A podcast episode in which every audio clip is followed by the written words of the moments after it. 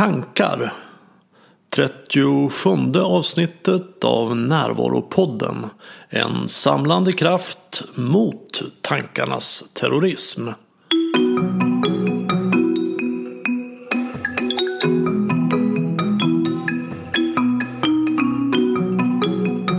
Det här är Bengt Renander. Underrubriken till den här podden är ju Stoppa tankarnas terrorism. Nästan hälften av de som är sjukskrivna i Sverige idag är det av psykiska orsaker. Och vårt psyke är ju till stor del vårt tankeliv.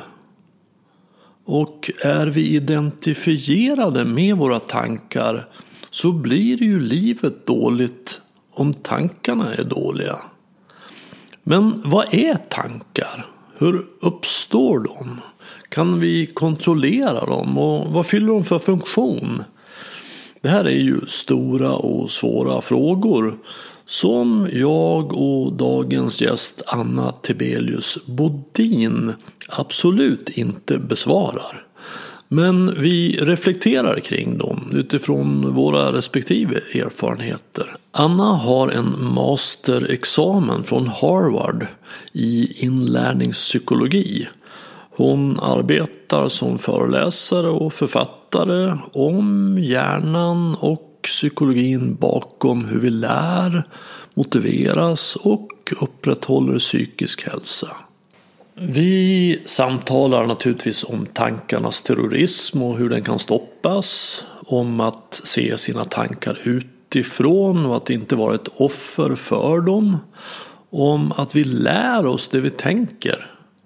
Om vad hot och belöningssystemet gör med oss. Om värdet av att formulera sina tankar. Och om att det är viktigt att kunna saker om den kognitiva hjärnan och den emotionella hjärnan och om värdet av att bejaka apan i sig. Här är Anna Tibelius Bodin.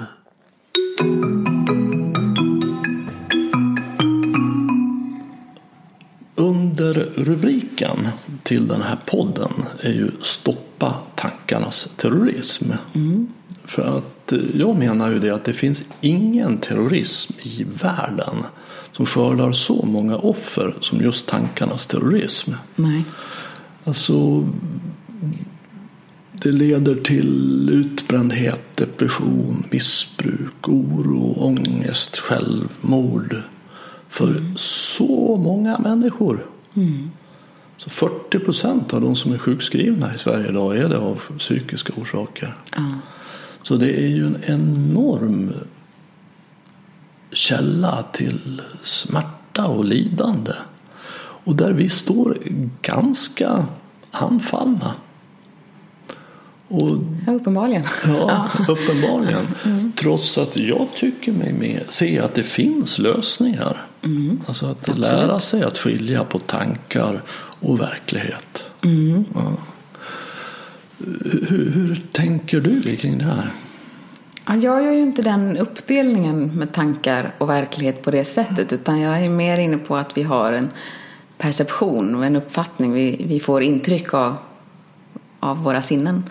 Och de här intrycken är ju det som formar våra tankar. Och vi kan påverka den tolkningen av våra intryck som gör att vi uppfattar världen på ett annat sätt fast det är precis samma, objektivt sett samma intryck som vi tar in. Fast det ju aldrig är det. Det är ju alltid ett urval. Vi tar in fruktansvärt lite.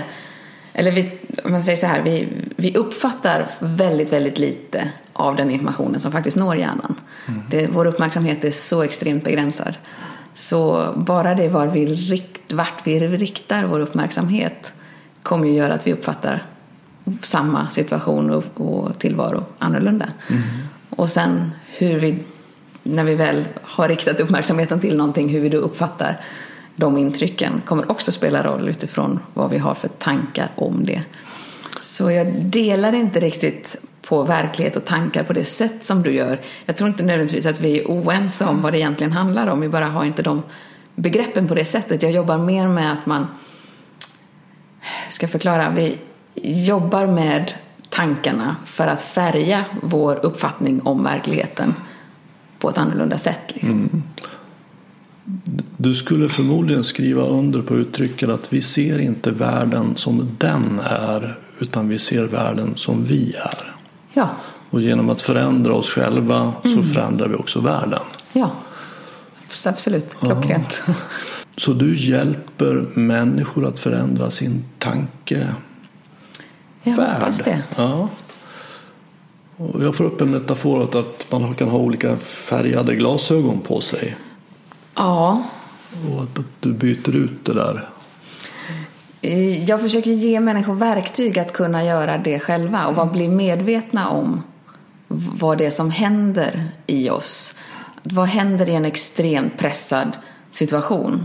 Vad är det som gör att vi tappar tankeförmåga? Vad är det som gör att vi plötsligt inte kan lösa våra problem när det är som mest akut och viktigt att faktiskt kunna lösa dem mm. och då göra det med tankekraft? För det, det brukar vara vägen ur, ur de problemen som vi oftast har idag. Inte som vi hade på savannen när det var muskelstyrka och instinkt. Liksom. Mm.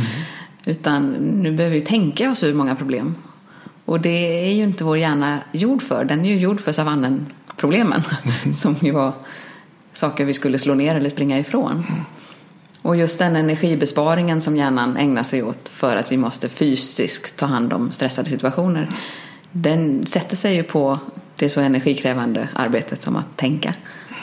Och då, när man blir medveten om det här så kan man bli, få ett starkare verktyg tror jag att kunna hantera det här kortisolpåslaget som, som stressen är. Mm. Och då kan man bli medveten om det på mer metakognitiv nivå. Alltså att man kan hantera påslagen på ett annat sätt än om man bara känner sig som ett offer för dem. Mm. Precis på samma sätt som dopaminberoende eller att man bara känner att jag måste få någonting, jag måste få ja, men, socker eller mobilen eller kasino eller en, en, någon flaska vin. Eller, alltså att man känner att jag behöver bara få kick på något sätt just nu. Då, att bli medveten om att det som händer nu det är ju att jag, jag är låg på dopamin. Det är inte säkert att man kommer ur ett dopaminberoende bara för det. Men, mm. men jag vill tro att det är ett starkare verktyg att kunna hantera sin sig själv mm. med de kunskaperna. Så det låter som att, att du huvudsakligen hjälper människor med att förändra sin tanke, det sätt att tänka på, på saker. Förstår du rätt då? Ja, när vi pratar om den hållbara hjärnan, ja. Mm. Sen har jag ju, alltså jag har ju de här dualiteten här mellan den hållbara hjärnan och den lärande hjärnan. Och där den lärande hjärnan är vägen till en hållbar hjärna. Men mm. när vi pratar om den lärande hjärnan, då handlar det ju om, för mig, att hjälpa människor att forma långtidsminnen. Mm. Och det är inte så självklart att göra det. Och vi kan ju gå runt med den uppfattningen att om vi är i ett rum eller vi är i ett sammanhang så, så kommer det att fastna. Jag var ju där, jag är ju, jag är ju närvarande, jag, kommer ju, jag hör ju saker, jag ser ju saker. Mm. Någonting fastnar väl. Och då brukar jag säga att det gör ju inte det. jag är ledsen liksom, men, men det gör ju inte det. Det är bara det du tänker på som kommer att fastna. Du kan bara minnas saker du tänkt. Och, okay. och där har jag ju en extrem hög ambition för människor för att jag förstår ju att det finns oerhört många minnen som du kan ha i din hjärna som du inte har tänkt. Men den typen av minnen som jag är intresserad av den är ju mer i pedagogiskt syfte. Jag vill ju att vi ska kunna mm. plocka fram kunskaper och kunna saker. Mm. Och när jag behöver en viss typ av kunskap så ska jag liksom kunna plocka fram den på eget kommando från hjärnan. Mm. Och då måste vi tänka på det vi uppfattar i stunden av inkodning, liksom, det vill säga när vi upplever någonting. Allting annat är borta på 30 sekunder. Okej, okay, att vi så att säga översätter det till språk ja. som är då i alla fall den delen av hjärnans ja. sätt att, att bearbeta information. Ja. Och då kan det lagras som språk. Mm. Vi behöver inte ha formulerat det, men jag tror som du är inne på att det, det är absolut ett språkligt element i det här. För att det är pannloben som är medvetna, aktiva tankar vi pratar om. Mm. Mm. Det skulle vara intressant att höra om, om, om, om vi är överens om den här historiebeskrivningen. Ja, se.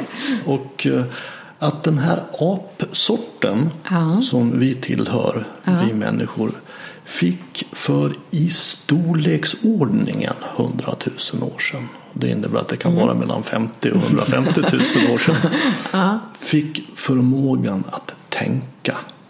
Alltså att det dök upp en röst i huvudet på oss. Och det här har ju då varit evolutionärt väldigt gynnat. Det har fått oss att lära av det förflutna. Att vi kan sitta här och spela in en podd på min dator beror på att vår, den kunskap vi har idag är ackumulerad mm. sedan alla generationer bakåt. Mm. Så att vi, vi, varje generation människa ackumulerar ny kunskap. Mm.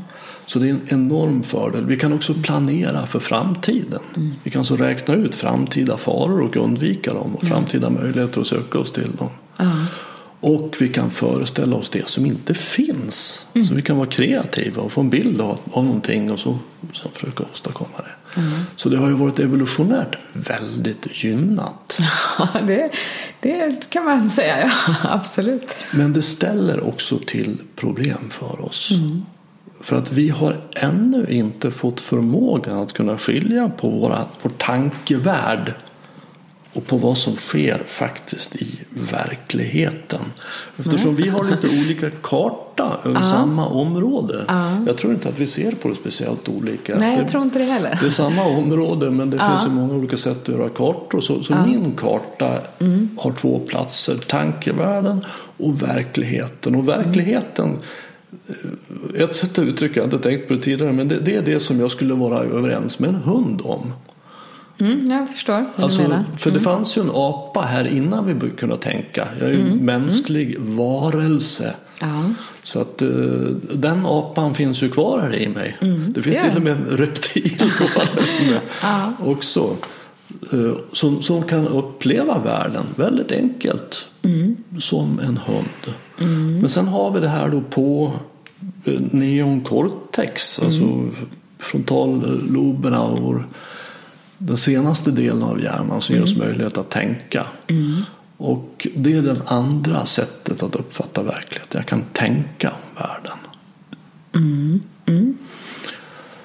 Och det här gör det ju då möjligt att, att jag kan till exempel vara bjuden på en middag och vara väldigt vara rädd för, som med människor jag inte känner och så kan jag vara rädd för att de ska tycka att jag är konstig och beter mig mm. fel så jag är nervös när jag går dit och jag gör allt vad jag kan för att verka normal under middagen ja. vilket blir väldigt konstigt för dem. Ja, då är du väldigt mycket i din pannlob. ja. Människor som försöker sitta och verka normal. Ja, de är minst normala. Ja. Så jag, jag, går därifrån och de eh, tyckte att det var väldigt underligt och min rädsla blev uppfylld. Mm. Och det här är endast möjligt för oss människor. Så här, så här gör mm. inte hundar när de träffas. Nej. Utan de går dit och så träffas de och gör mm. det de ska. Och sen det är mycket mer rakt på. Ja, ja verkligen. Mm. De är mer genuina får man väl säga då. Ja, mer närvarande. Ja, mer närvarande. Ja. ja. Och, och, och, jag som människa rymmer möjligheten att vara närvarande på samma sätt som en hund. Alltså att, att, att komma till den här middagen och bara, ja, hej, här är jag. Jag, vet, ni får, jag, jag, jag kan släppa tankarna på ett sätt. Eller jag kan i alla fall identifiera tankarna och inte ta dem på allvar. Det, mm. det är rätt uttryckt. Jag kan mm. inte släppa dem Nej, för precis. de håller på de rackarna. Ja, det gör de. Och det skulle jag vilja prata med dig om. Ja. Vad är det här egentligen? Hur, hur ja. uppstår tankar? Oj, den lilla frågan. Jag skulle hellre, om jag får backa tillbaks lite ja. bara, så skulle jag vilja se det som när du går in i den här situationen och, och upplever att du kan gå in och uppleva världen som, som en hund så är jag inte helt säker på det faktiskt. Att vi kan det. Jag tror fortfarande att, att vi är låsta. Det låter ju hemskt att kalla att vi är låsta. Men all kommunikation, allting som kommuniceras till oss, vilket ju görs av allt levande framför allt, men också allt artificiellt som kommuniceras till oss måste hjärnan värdera som hot eller belöning. Mm. Men det gör även en hund? Ja, ja men såklart. Ja, men det gör ju en hund förstås. Mm. Ja.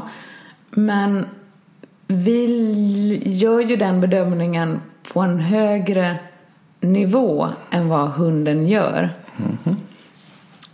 Nu inser jag att jag är inne på, på tunn is här. För det är ju kanske inte säkert att vi alla gånger gör. Jag försöker komma på exempel. Jag bara tänker att det här, den här upplevelsen av hot eller belöning som ju, aldrig, som ju innebär att det aldrig uppfattas neutralt.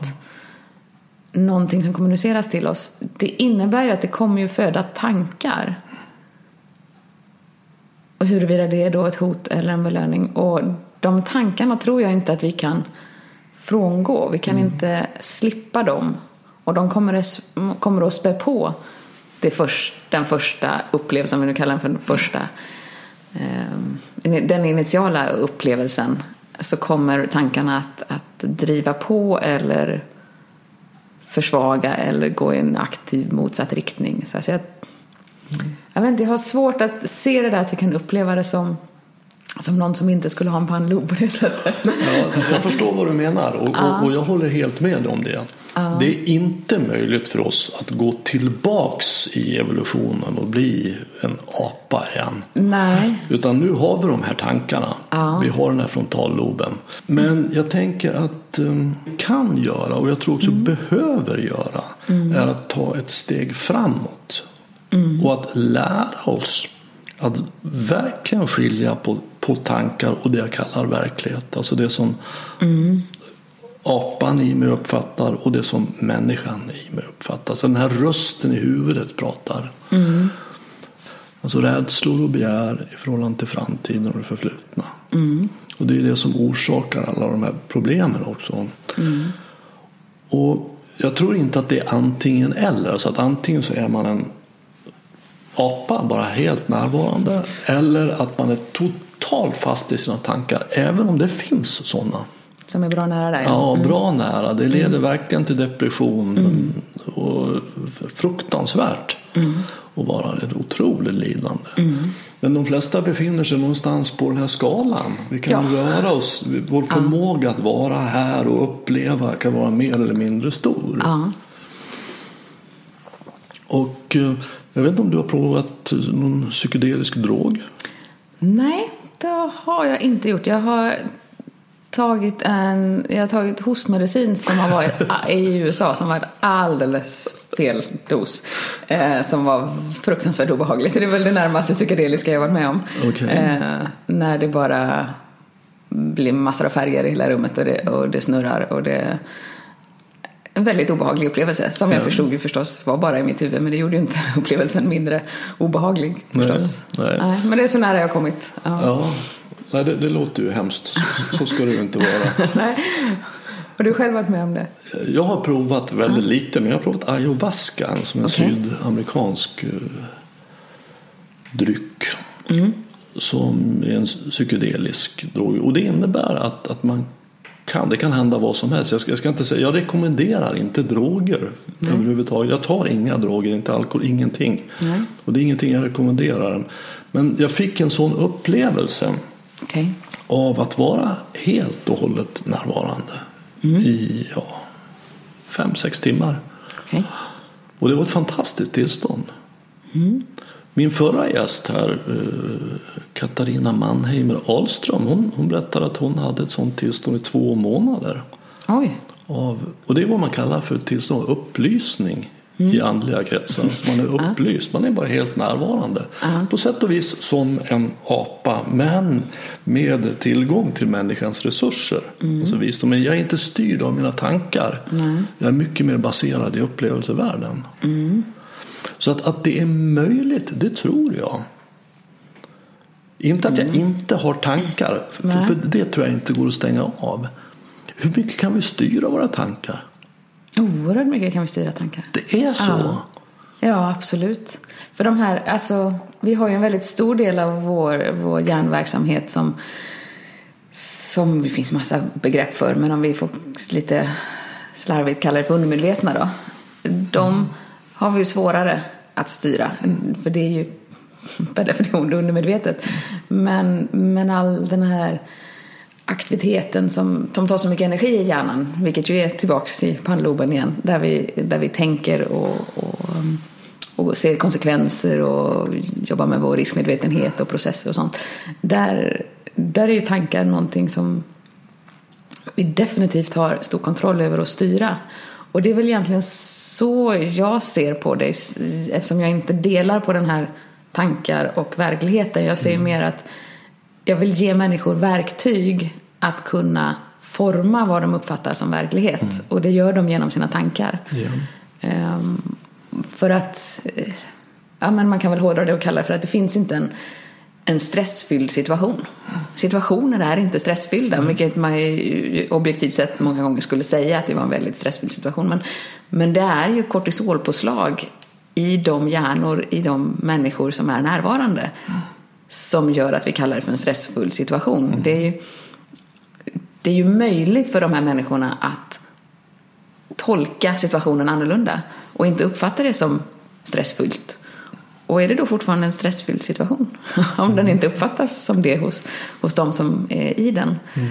Så... Jag, det är en filosofisk ja. fråga. Ja, lite grann Låter är det det om trädet som faller i skogen om ingen hör det? Exakt, ja men det är faktiskt lite samma princip. För, mm. för den här världen som vi lever i, den är ju bara, bara och bara, men den är ju våra samlade upplevelser av vad den är. Mm. Och sen så finns det ju många som, som menar att det finns ju helt andra dimensioner som andra delar av befolkningen inte alls ser eller uppfattar. Om vi pratar religiösa eh, aspekter på det eller som ja, änglar eller spöken eller man säger. Alltså det finns ju så många dimensioner på den här världen som vissa säger sig uppfatta och som andra menar att det där är inte verkligt. Det mm. finns ju inte i verkligheten. Och då så här, ja, vi, det kanske det inte gör då rent fysiskt. Och det där är ju så svårt att för mig definiera verkligheten när det hela tiden handlar om tolkningar i våra hjärnor. Mm. Och ja. mitt största intresse är att, han, att hjälpa människor att, att kunna styra den tolkningen. Mm. Jag förstår och det är ju otroligt värdefullt. Ja, för det är ju hela upplevelsen av livet vi styr. Ja, verkligen. Och, och, och det jag det jag pratar om handlar ju, jag, jag förstår hur, hur, du menar. Vi ja. har en liten annorlunda kartbild. För min handlar ju, den jag beskriver om att, att vara vaken, ja. alltså vara, uppleva. Ja. Det, eller att vara i tank, att tolka via mm. tankar. Jag förstår. Medan jag förstår att, att det du framförallt fokuserar på handlar om att, att hjälpa människor att se tankar som de egentligen inte har nytta av. Ja. och, och, och, an, och istället forma om det så att hur kan jag vara mer funktionell i den här situationen? Rationell. Ja. Eller vad, vad använder ja. du för ord? Kontroll är väl det närmsta ordet jag kan hitta egentligen. Att vi inte alltså, känner oss ett offer för vår tillvaro. Att, och att inte vara ett offer för sina egna tankar då? Ja, det mm. blir det ju också. Så att det finns någon som styr? Det finns ett självstyre. Ja.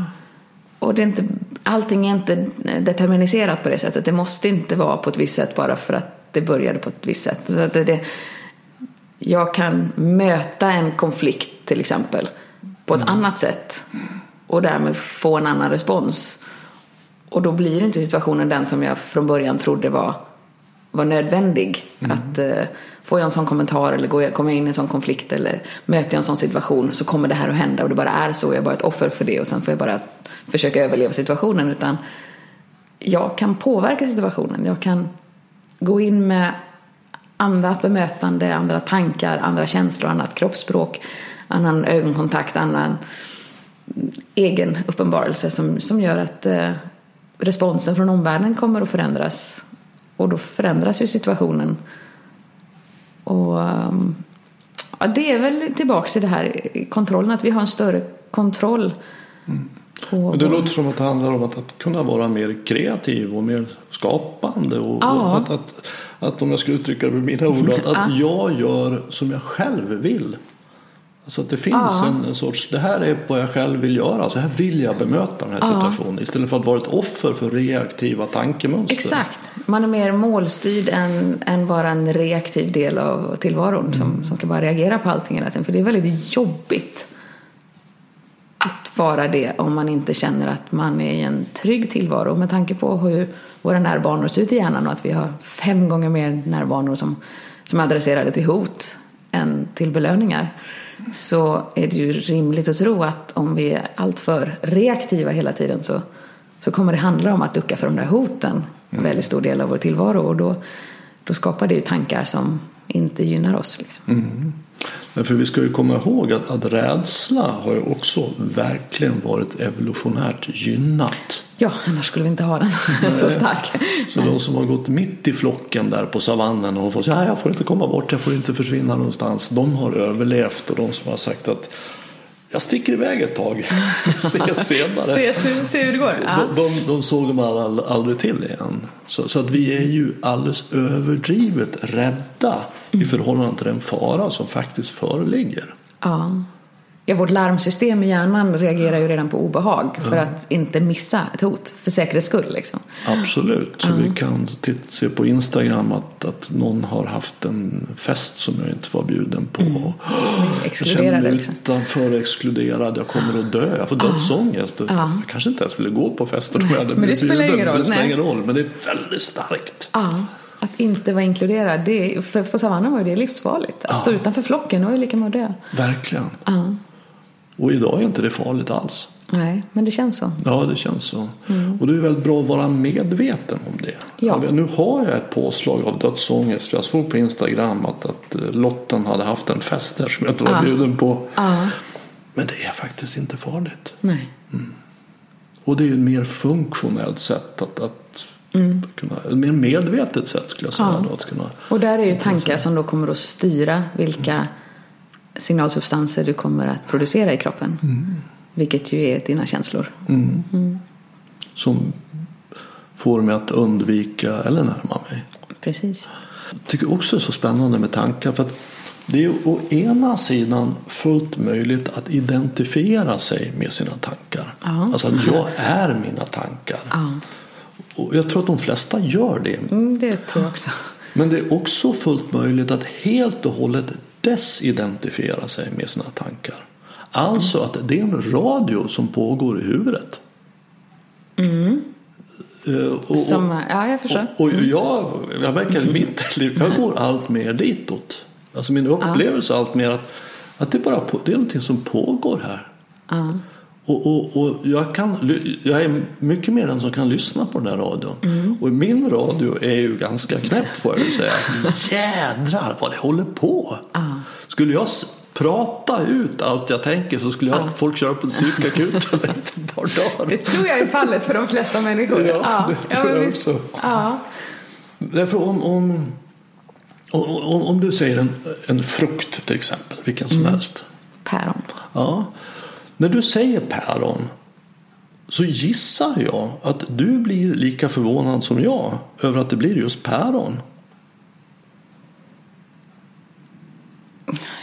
Ja, så kan man ju säga. Men för att jag kan ju jag vet ju inte vad det är som sätter igång vad. Nej, nej, du, vad är hönan och ägget i hjärnan? Vi, liksom. vi vet ja. inte var det här päronet kommer ifrån. Nej, nej. Utan du säger päron och, ja. och vi hörde ungefär samtidigt och ja. jaha, det blev päron. ja. Så vi kan bevittna det båda två på samma sätt.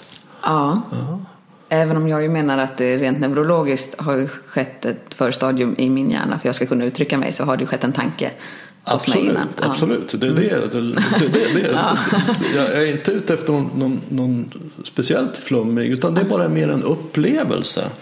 Att mina tankar, de kommer. Det jag pratar nu är någonting Fasen, alltså det är ju ingen medveten rationell process som, som, utan, som pågår i hjärnan. Utan jag hör det samtidigt som du och jag vet inte vad jag kommer att säga ens om tio sekunder. Nej, nej det, så är det. Nej. Och att då vara identifierad med det här som jag själv i så liten grad styr. Mm. Då blir jag ganska vilse. Fast du styr ju. Du, det är ju ett flöde, absolut. Det är ju ett flöde av, av tankar. Men Samtidigt så är det ju, är det någonting som styr så är det ju du. alltså det, det finns ju en, en, riktning och en styrning och parametrar som, som är vad vi kallar för du. som, som formar det här flödet. Ja, det, det är ju det som är en så intressant fråga tycker jag. Ja. Är det så? Finns det någon i mig som styr de här tankarna? Mm, det är ju frågan. Om jag går till alltså, och jag, jag, är väl medveten om att det här vi pratar om, det kan man säga det is the hard problem of consciousness. Mm, är det. Alltså det här är en vetenskapsfråga som ens de allra mest intelligenta och kunniga vetenskapsmännen och kvinnorna inte har löst. Nej, men Så- så- consciousness är fortfarande ett mysterium. Mm, Absolut. Så är det ju. Så, så, att det är inte det att jag begär vare sig dig eller mig att vi ska veta och berätta hur det är. Nej. Utan jag tycker det är spännande att prata om hur man upplever det. Mm. För det kan ju faktiskt var och en göra i sig själv. Jag är ju människa Mm. och jag har ju allting i mig. Så jag har hela laboratoriet där inne. Ja. Och undersöka vad är det som händer där inne. Och jag har ju då allt mer en upplevelse av, ju mer jag mediterar, går in och tittar, att det där är då som en radio eller som ett och mitt minne är som en sorts VHS-arkiv med gamla VHS-filmer som det står olika saker på. Och min, jag har en, en del personlighet som jag brukar kalla för smärtkroppen och den har liksom ett VHS-filmer på smärtsamma händelser som jag vill titta på. Och trots att jag har sett dem liksom 55 gånger eller 100, 550 gånger så ah, nej men nu är det dags att titta på det där igen. Och att det där pågår utan att jag själv vill det. Så hela, hela den här tankevärlden bara pågår. Och det, ja, och jag förstår precis vad du menar. Och det här är ju väldigt evolutionärt rimligt. Att det ska funka så. Och att vi går och ältar de där smärtsamma minnena. Det är ju för att vi får inte glömma bort det där som var så nära döden för oss. Vilket ju inte behövt vara varit nära döden. Men som hjärnan uppfattar det som så alarmerande. För om vi glömmer bort det så riskerar vi ju hamna i samma situation igen. Vi måste ju påminna oss hela tiden om det där som, som var farligt och hemskt. Så att vi klarar oss bättre i överlevnadshänsyn i framtiden. För det är ju hjärnans enda syfte att överleva. Liksom. Absolut, absolut. Och, och, och på motsvarande sätt att kunna räkna ut allt som kan gå fel i Ja, framtiden. i framtiden. Och ju mer avancerad vår tankeverksamhet blir, ju fler avancerade scenarier kan vi ju måla upp om vad som kan gå fel i framtiden. Och sen så tänka ut lösningar och så tänka ut vad kan gå fel i den här lösningen och vad ska jag göra då? Och det här gör det möjligt för oss att sitta ute i en berså med en god kopp kaffe och hembakad bulle och vara så tyngd av fruktansvärda problem. Trots att solen lyser och det är fjärilar och barn och barnbarn och så. Allt är bara underbart. Och jag skulle säga att det är tankarnas terrorism. Och vi behöver lära oss ett sätt att hantera det här på. Och, och, och jag förstår att du arbetar med att hitta ett mer funktionellt sätt att använda tankarna på. Ja, men jag menar ju att det är ju den vägen som, som jag uppfattar att, att du är inne på också. Att man distanserar sig från de där tankarna. För det ger en ju också ett övertag mot tankarna. Exakt. Om man skulle vara offer under sina tankar så, så blir man ju mer reaktiv. Och då är det känslorna som står över. Eh, Som får styra tankarna till att spä på de känslorna som redan den emotionella delen av hjärnan vill, vill driva på. Men, men om man kan sätta sig utanför sina tankar och bara känna det här som en, som en radio som du upplever det. Då blir man ju i en helt annan kontrollsituation. Man är ju mer man är mer vid rodret så att säga. För att man kan höra det där och man kan titta på det utifrån, alltså vad vi kallar för metakognitivt. Exakt. Ja, Och, och, det är en väldigt bra egenskap. Metakognitiv, alltså kunna tänk om sina tankar. precis bevittna sina tankar. Ja, Därför att man hör ju talas om att, att ibland är det någon, någon väldigt läskig eh, mördare, kanske massmördare, som säger att jag hade en röst i huvudet som sa åt mig att jag skulle göra sådär. Välkommen i gänget. precis. Det är vi fler som har hört den där rösten. Ja. Den, den rösten har vi alla. Men om jag då inte kan skilja den rösten och att jag kan se och värdera, är det här rimligt att jag ska styckmörda eh, Anna nu när jag sitter här med podden? Precis. Det var ju bra om vi kan särskilja på det. Ja. Nej, jag ska, Men det, är ju- det är bara en tanke, jag ska inte göra det. Men samtidigt så får vi ju särskilja här på sjukliga tillstånd och den, den allmänna rösten som, som vi hör lite till mans allihopa när vi lever. Alltså att inte kunna skilja på den är ju ett sjukdomstillstånd. Absolut. Att, det, det är det som att, är vara styr, att vara så styrd av den här rösten. Det är det som är sjukdomen. Att jag kan inte skilja på nej, det. Nej. Och, och jag menar att den sjukdomen har vi i mer eller mindre högre grad. Mm, mm. ja, för, för, det kan ju vara saker att jag vågar inte bjuda upp den här tjejen för hon kanske säger nej och jag mm. kommer få känna mig avvisad. Och, och nej, jag gör inte det. Mm. Mm, det. Det är en röst i huvudet ja, som ja. bestämmer hur jag ska göra. Ja. Och att då hitta ett mer funktionellt sätt. Mm. Jag gick tillsammans med en av mina söner på Stockholms universitet förra hösten och läste en kurs om hjärnans biokemi. Okej, okay, spännande. Ja, det var det. Det var en sju och en halv poängs kurs. Så det var ingen stor kurs. Och det jag framför allt lärde mig på den kursen var hur otroligt lite jag vet om hjärnan. Okay. från, ja. När jag gick från varje föreläsning så kände jag herregud vad komplext. Mm. Vad sammansatt. Mm. Kaliumpumpar och synapsbassängen och mm. herre, alltså det är nog så överjävligt komplicerat. Ah, det kan jag bara hålla med om. Det var ju någon som sa att om hjärnan vore så enkel att vi kunde förstå den mm. så skulle vi inte göra det. Nej, det är väldigt bra sammanfattat tycker jag. Mm. Kan vi förstå hjärnan överhuvudtaget? Ja, om du ställer frågan så skulle jag säga det. Alltså det, vi kan ju förstå hjärnan därför att vi ser orsak och konsekvens i, på en del områden. Sen är det ju så oerhört mycket mer och så mycket mer komplext. Alltså om jag säger att vi, vi kan skapa eh, utsöndring av oxytocin och närma oss människor och bonda och känna värme och ödmjukhet och empati och sånt där. Så, så vet vi ju att oxytocin gör det här med oss. Det är hormonet. Så. Samma sätt som om vi kan eh, skapa förväntan och spänning och cliffhangers och mm, känna ja, men, starka förväntan, känslor inför framtiden så, så kan vi få dopaminpåslag och sånt där. Så att vi vet ju hur olika kemikalier påverkar eh, kommunikationen mellan våra nervceller i hjärnan. Det vet vi ju. Men samtidigt så är det ju ett jättestort mysterium hur de här kan interagera med varandra.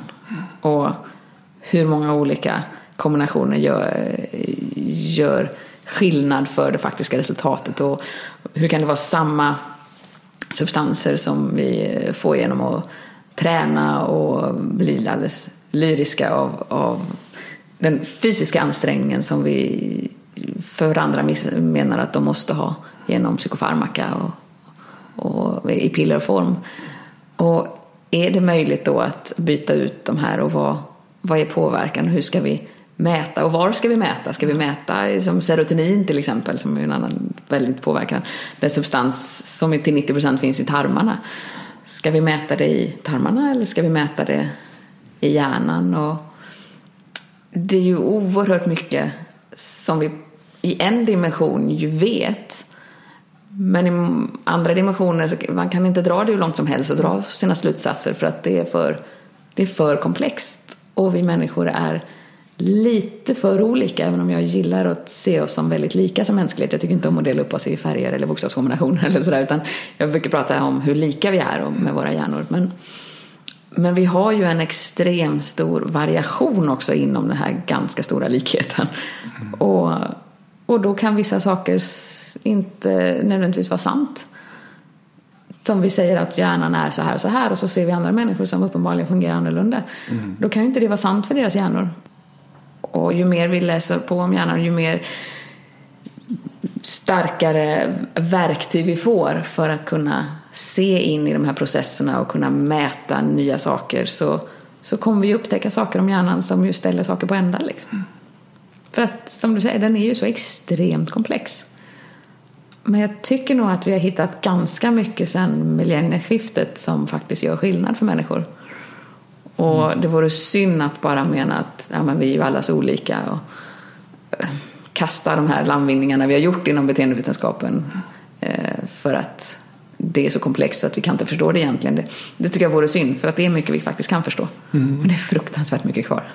Ja, verkligen. Och, och, och det stora problemet är ju och det, det största som är, vi, vi inte vet nästan någonting om alls är ju hur den här klumpen kött som vi mm. är mm. kan ha en sån stark upplevelse av agens och individualitet. Ja. Det är ju ett mysterium Hur såklart. uppstår att det... Det, det reflekterande medvetandet? Ja. Och kommer vi då kunna återskapa det? Mm. När vi jobbar med artificiell intelligens och ja. den här bitarna nu kan vi, kan vi som människor skapa det här som vi är funtade med. Det. Ja. Jag har svårt att tro det men vi får väl se. Alltså man kan väl säga att det handlar ju i grunden om informationsbehandling. Ja. Det är vad hjärnan sysslar med. Ja. Det är informationsbehandling. Ja. Baserad på kolatomer som vi består av. Och, ja. och, skulle man kunna tänka sig då att kisel som ju datorer består av skulle kunna också, att den informationsbehandlingen också skulle kunna producera ett medvetande. Det, det, jag vet inte heller. Men, men, jag tycker att det är svårt i alla fall att utesluta det. Att, att det är just, skulle just vara kött, människa, kol, kolbaserad mm. informationsbehandling som framkallar ett medvetande. Och det här, jag tycker vi återigen är tillbaka här på den här idén om vad är verkligheten då egentligen? Mm. Vissa människor skulle säga att det är en så stor del av verkligheten att det finns en helt annan dimension på vårt mänskliga liv än bara våra kolatomer som vi är uppbyggda av. Så att det, finns, det finns en aspekt som inte ens går att, ta på och så fysiskt bevisa. Och att den, om vi kallar den för spirituell eller religiös eller den mm. aspekten den, den ligger utanför mänsklig möjlighet att kunna återskapa och av den, den anledningen kan vi inte skapa liv som vi uppfattar liv. Men eh, det beror ju på vad som i så fall är verklighet. Ja. Finns det någonting mer som gör oss mänskliga än bara de kemiska och fysiska processerna i oss? Ja, du tänker på att det skulle finnas någon gud? Eller något, ja, ja. Något, något väsen som, som gör oss mänskliga människor till de vi är. Ja. Och människor som tror det, de, de skulle ju med säkerhet säga att det förstås inte finns någon möjlighet för oss att återskapa det här med mänskliga krafter. Absolut. Även om vi får till alla fysiska komponenter, så att säga. Och vad tänker du om det? Jag jag brukar inte försöka, jag försöker att särskilja på min idé om, om det naturvetenskapliga, för jag är ju ganska fast i, i det naturvetenskapliga tänket. Och den mm. sidan av mig skulle ju mycket väl kunna tro att vi kan återskapa det här om vi bara skulle få tillräckligt lång tid på oss. Jag är inte säker på att mänskligheten har så lång tid kvar. Eh, att det här kommer att kunna ske. Men att det rent teoretiskt skulle kunna göra det, skulle kunna vara så. Men en annan sida av mig har ju en, en annan dimension på livet som gör att jag när jag tänker i de banorna inte tror att, att vi kommer någonsin nå dit. Mm. Kanske kommer komma bra nära. Men, eh, men det finns en dimension som vi inte råder över. Liksom. Okej, okay. vad, vad är det för dimension? Ja, men en, en mer... Eh, vad ska jag säga? Jag, jag tror ju att det finns någonting mer än, än det vi har här. Och att vi mm. inte... Livet här på jorden, det är inte allt. Det, kommer, det var någonting innan för oss rent själsmässigt och det kommer finnas någonting efteråt. Mm. Och, och det står ju så högt över våra medvetanden och våra hjärnor är så extremt komplexa. Så, så står det över våra hjärnas möjlighet att, att greppa. Och då, då kan jag ju inte tro att att vi människor skulle kunna återskapa det vi är om vi är någonting som är så mycket större än våra, kolatom våra kolatomer om vi säger så. Mm. Ja, stora frågor idag. Ja, det blir det. Du, de, när du jobbar mm. så hjälper ju du människor. Jag hoppas det. Ja. Mm. Vad, är, vad, är, de vanligaste, eller kanske det vanligaste problemet som du hjälper dem med? Ja, om jag återgår till det här tudelningen då av den lärande hjärnan och den hållbara hjärnan. Så vad jag hjälper människor med, framförallt att prata om den lärande hjärnan, det är ju att kunna nå fram med budskap som förändrar långtidsminnet hos mottagaren. Liksom.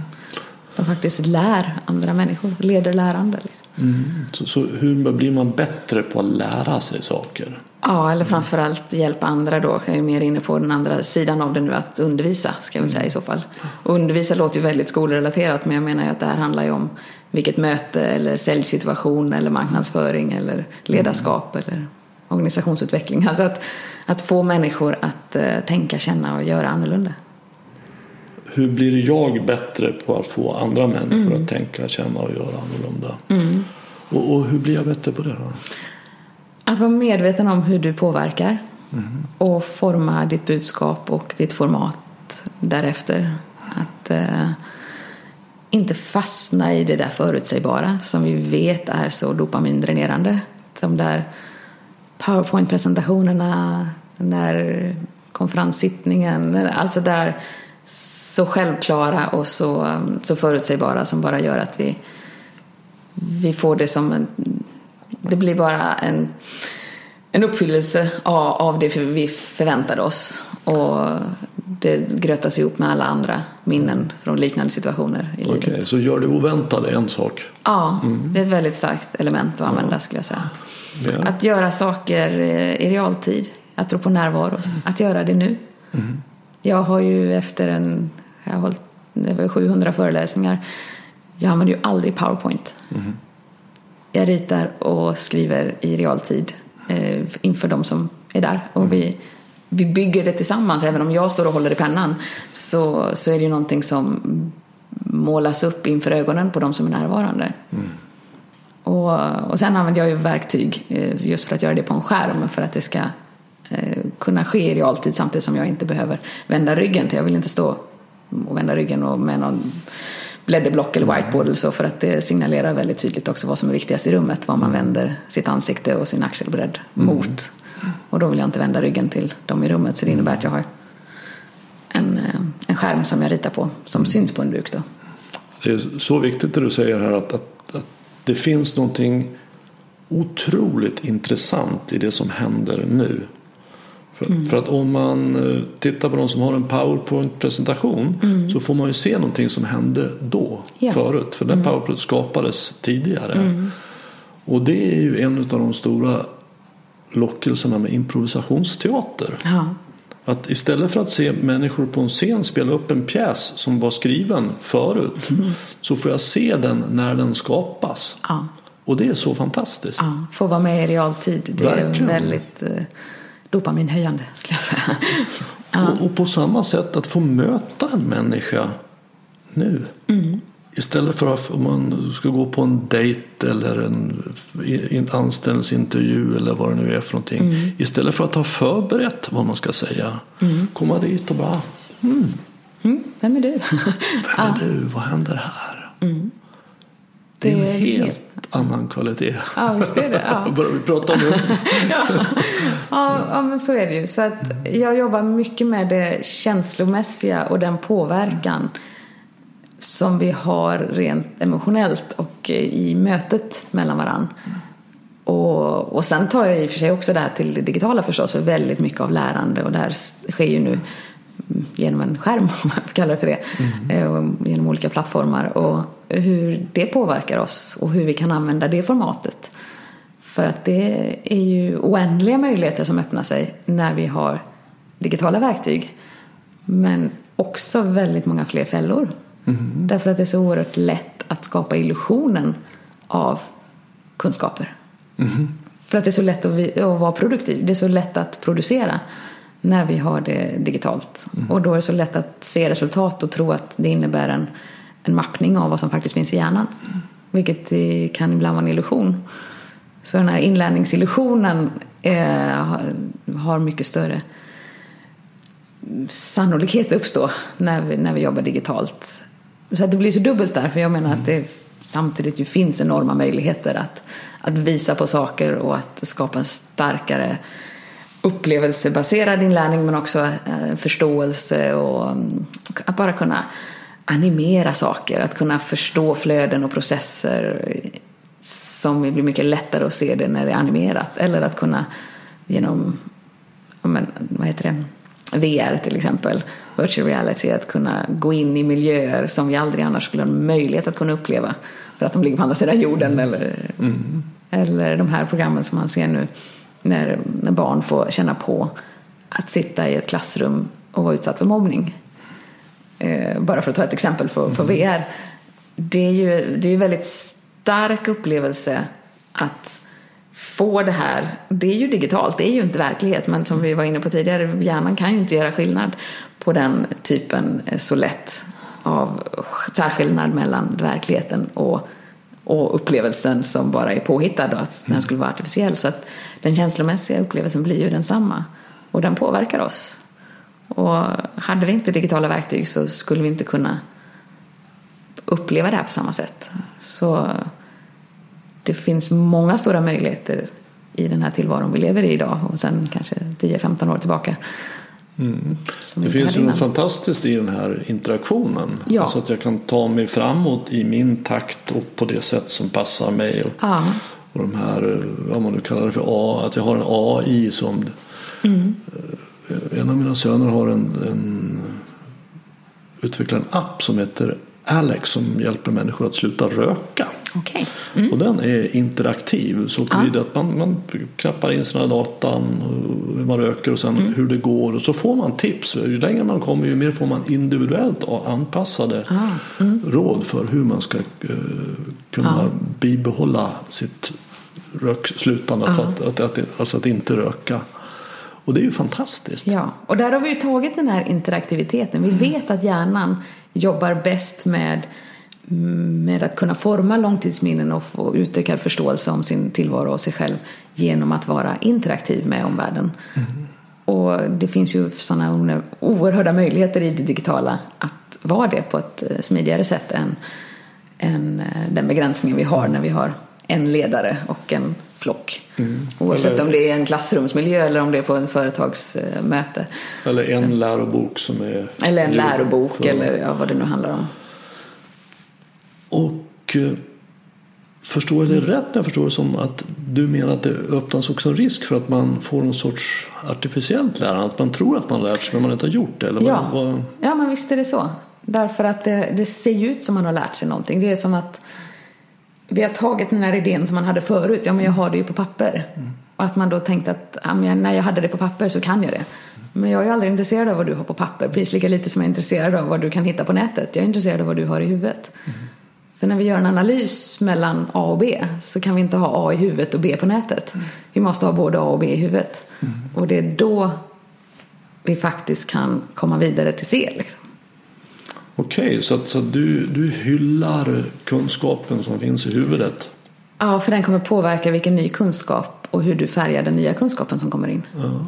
Så det här med att vi behöver kanske inte lära oss så mycket om multiplikationstabeller och grammatik för att allt, eller historia, för det finns på nätet. Det, det är inte något som du Nej, där skulle jag i och för sig vilja särskilja lite grann på dem av olika anledningar när du, när du säger som vår historia eller vår, vår multiplikationstabell. Mm. Alltså, vi har ju ett område, vår, vår kopplingscentral i hjärnan om man säger för alla våra minnen som hippocampus.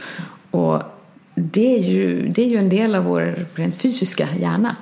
Och den kommer ju utvecklas eller minska utifrån vad vi faktiskt gör med den och hur mycket kunskaper vi, vi jobbar med och hur mycket erfarenheter vi gör och hur mycket vi reflekterar och tänker och lär oss och utvecklas. Och gör vi det mindre, alltså att vi, vi lär oss mindre saker, färre, för att vi helt enkelt förlitar oss på att vi kan ju kolla upp det. Vi har tillgång till kunskap snarare än att vi har kunskap. Så förminskas ju eh, just hippocampus och också då funktionen hippocampus. Mm. Vi får en omvänd snöbollseffekt. Alltså vi får svårare att lära oss saker om vi inte redan kan saker. Och då med ett allt stor förlitan, all för stor förlitan på vad, vad, vi kan hitta på nätet gör ju att vi får en sämre funktion i att, att lära oss saker. Och jag menar ju att vi, vi behöver lära oss saker för vår egen skull. Inte för att kanske nödvändigtvis lösa mänsklighetens problem. För det tror jag också att artificiella intelligensen kommer att, att göra i ganska stor utsträckning eh, för oss inom kanske mindre än en generation. Så att vi behövs inte som mänskliga varelser för att lösa mänskliga problem mm. i den bemärkelsen inom ganska snar framtid. Men våra hjärnor för sin egen hållbarhets skull. För att vi inte ska gå in i väggen och bli deprimerade och känna oss meningslösa och hopplösa som människor. Så behöver vi fortfarande lära oss saker. För, av ren självbevarelsedrift. Mm. Och det är också så inbyggt i oss. Vi ja. vill ha en drift. Det ja. finns en nyfikenhet. Det finns ja. ju inga som är så nyfikna som, som människan. Och så har så jädra behov av att hålla på och interagera hela tiden med andra. Ja, Det ska vara spännande att höra om, om du delar den här bilden som jag har. Att, att när vi lär oss saker så bygger vi neurala spår i hjärnan. Och det är som att trampa upp en stig på en gräsmatta. att om vi går där ofta så, så, så, blir det lättare och lättare för varje ja. gång. Jo, men så är det ju. Är det en bild som stämmer? Mm. Och, och det är då de här neurala spåren struntar i om det är rätt eller fel eller bra eller dåligt. Utan går vi där ofta så, så går vi där ofta helt Ja. enkelt. Så vi får se till att, ta stigar som är, är bra, som för oss dit vi vill. Ja. Och gå dem ofta. Apropå att styra våra tankar, ja. Just det. Ja.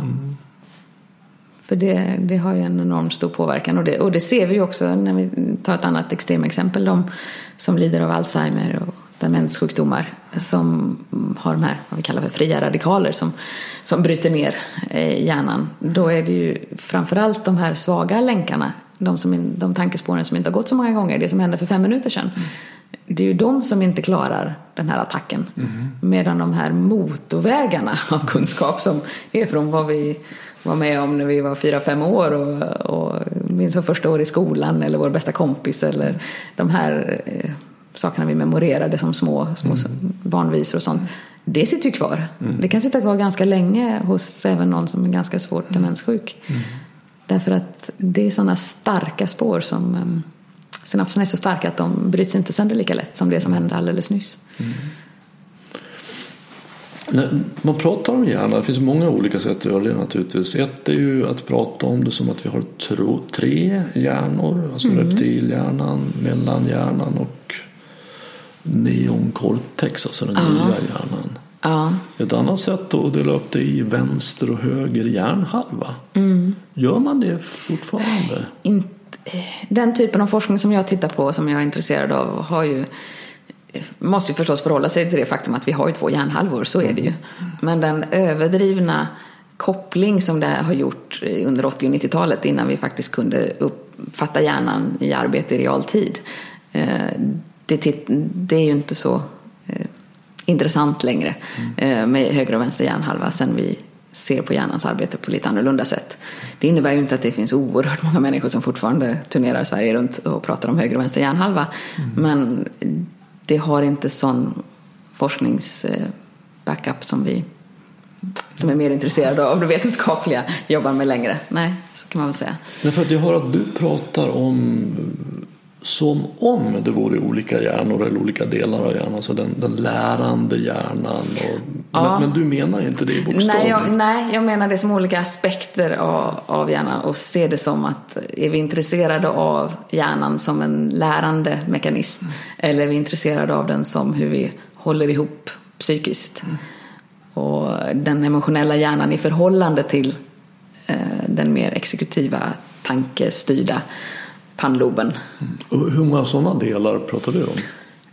Ja, I den förenklade bilden så pratar jag egentligen bara om den kognitiva eh, kontra den emotionella hjärnan. Och då vad du kallar för reptilhjärnan. Eh, och vad jag säger, det limbiska systemet. Det är mest, eh, mycket mer centralt inuti hjärnan. I det emotionella systemet. Jämfört med då den tänkande, reflekterande delen av hjärnan som är mer målstyrt och, och har hela tiden jobbat med vår långsiktiga överlevnad hur vi satt på savannen och planerade för att överleva vintern och strategiskt tänkande och det mer vad jag kallar den vuxna i hjärnan. Vilket ju också är kopplat till att vi faktiskt inte har den fullt utvecklad förrän i 25-årsåldern. Medan den där tonåringen i hjärnan är den där emotionella centrala delen som ser till nuet. Vi måste vara väldigt reaktiva, vi måste reagera på det som händer här och nu. För att det är just nu vi ska överleva. Prasslar det till i busken så måste vi snabbt rikta uppmärksamheten till det. Då kan vi inte sitta och ha strategier för att överleva vintern om vi inte överlever nuet. Det är rätt ointressant. Så det emotionella systemet som är så reaktivt och distraktionsstyrt, det måste oftast vinna. Och när det blir en konflikt mellan de här två systemen. Så då kan man säga att då är det två system jag pratar om. I den bemärkelsen. Mm, Jag kan ju säga att, att, att det jag arbetar med handlar väldigt mycket om att se igenom tankarnas illusion och komma till vad jag kallar för verkligheten, nuet. Och jag förstår att, att, eh, att du arbetar, det är inte ditt primära fokus, men, men att, att att göra det. Utan att du arbetar med att hjälpa människor att tänka bättre, skulle man kunna säga så? det låter ju väldigt pretentiöst. Men, men om det är jag som men, säger det. så kan väl, eh, ja. Att tänka på ja. ett mer funktionellt sätt. På ett sätt som, som skapar bättre resultat. Som skapar bättre resultat, ja. Ibland innebär det ett mer hållbart resultat för det egna, den egna psykiska upplevelsen av, av livet. Och ibland innebär det ett mer konkret kognitivt resultat. Att du faktiskt har lärt dig någonting. Mm. Och om det är så en färdighet eller eller faktiska kunskaper eller procedurellt minne. Eller så. Alltså, så, så, dels hur jag kan hantera olika situationer på ett mer funktionellt sätt ja. och dels hur jag kan lära mig saker så att de sitter kvar. Ja. Ja.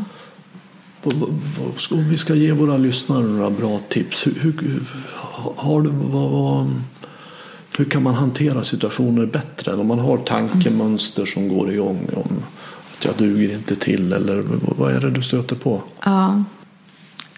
Som vi var inne på tidigare, att man distanserar sig från de här tankarna man har mm. och ser på dem utifrån. Mm. Låtsas som att de var en annan person. Mm. Och hur man skulle förhålla, förhållit sig till de tankarna och idéerna om någon annan sa dem, om de uttryckte dem. Och många gånger så är ju problemet att vi inte uttrycker dem. Att de, de ligger bara där och blir det emotionella hjärnspöket. Mm. Men när vi sätter ord på dem då måste pannloben aktiveras.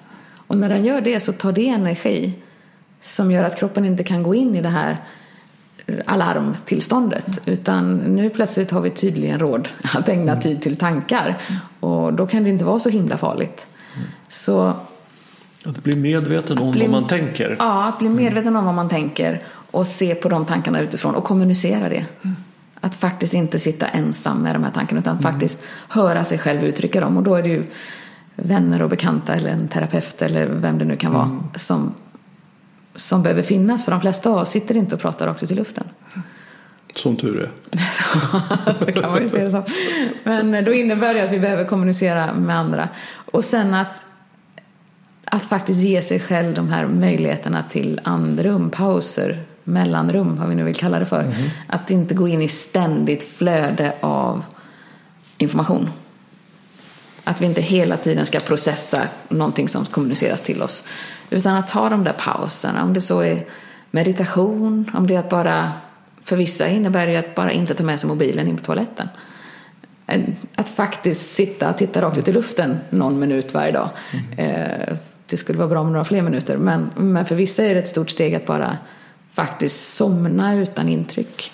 Att uh, bara gå och lägga sig på soffan och titta rakt ut på luften eller att gå ut och bara springa i skogen eller göra saker som tar bort konsumtionen av ja, media får vi väl kalla det för då.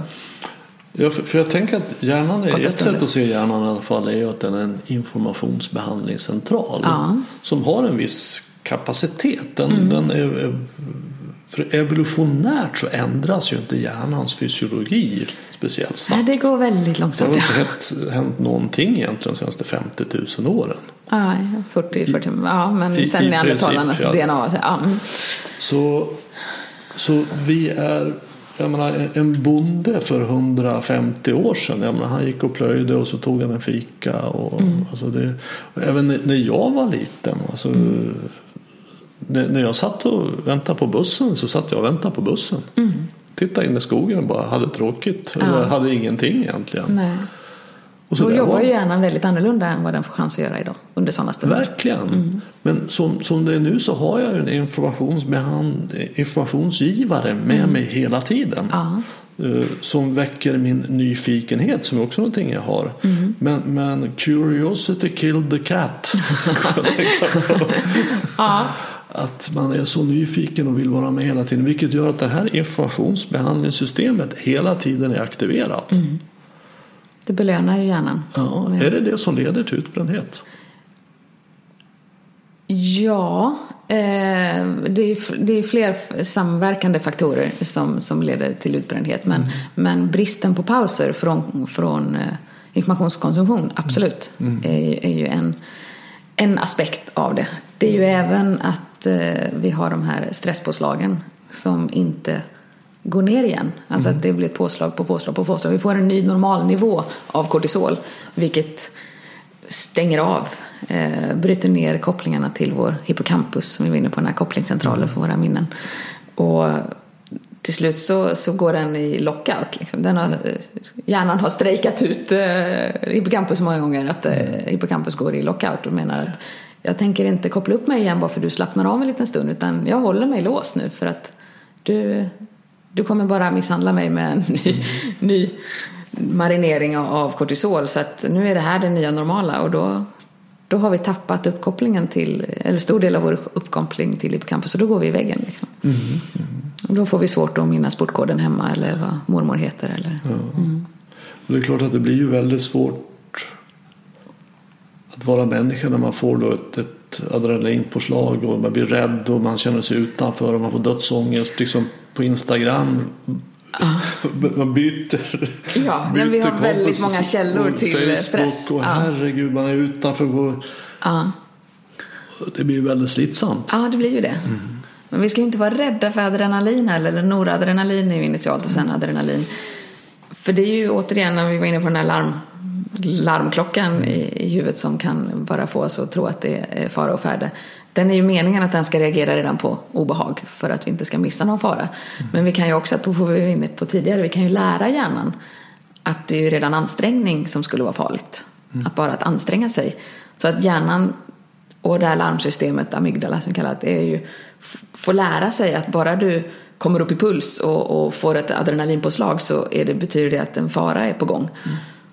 Och då får vi ett väldigt känsligt system för att slå på kortisolet. Mm. Alltså att, då, då ska vi verkligen börja stänga ner hjärnan så fort du börjar anstränga dig. Och det, sådana kopplingar börjar vi, börjar vi göra för att um, ja, men människor associerar hårt arbete till att då blir man sjuk och går i väggen. Mm. Och, och vi, det, är ju, det är ju en farlig väg att göra de kopplingarna menar jag när vi, när vi vet att vi är ju gjorda för stress.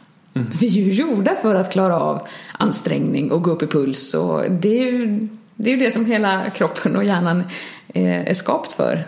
Men vi får ju stora problem med det när vi aldrig går ner i återhämtning. När vi aldrig pausar. När vi är i det tillståndet hela tiden. Mm. Det är ju det som är farligt.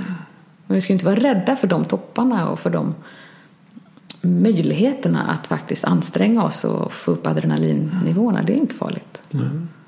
Ja, nu har våra hjärnor hållit på här tillsammans mm. i drygt en timme. Det har varit spännande för min hjärna ja, att få möta Detsamma. Ja. Verkligen intressant att dela tankar. Ja, mm. Tack. Tack så mycket.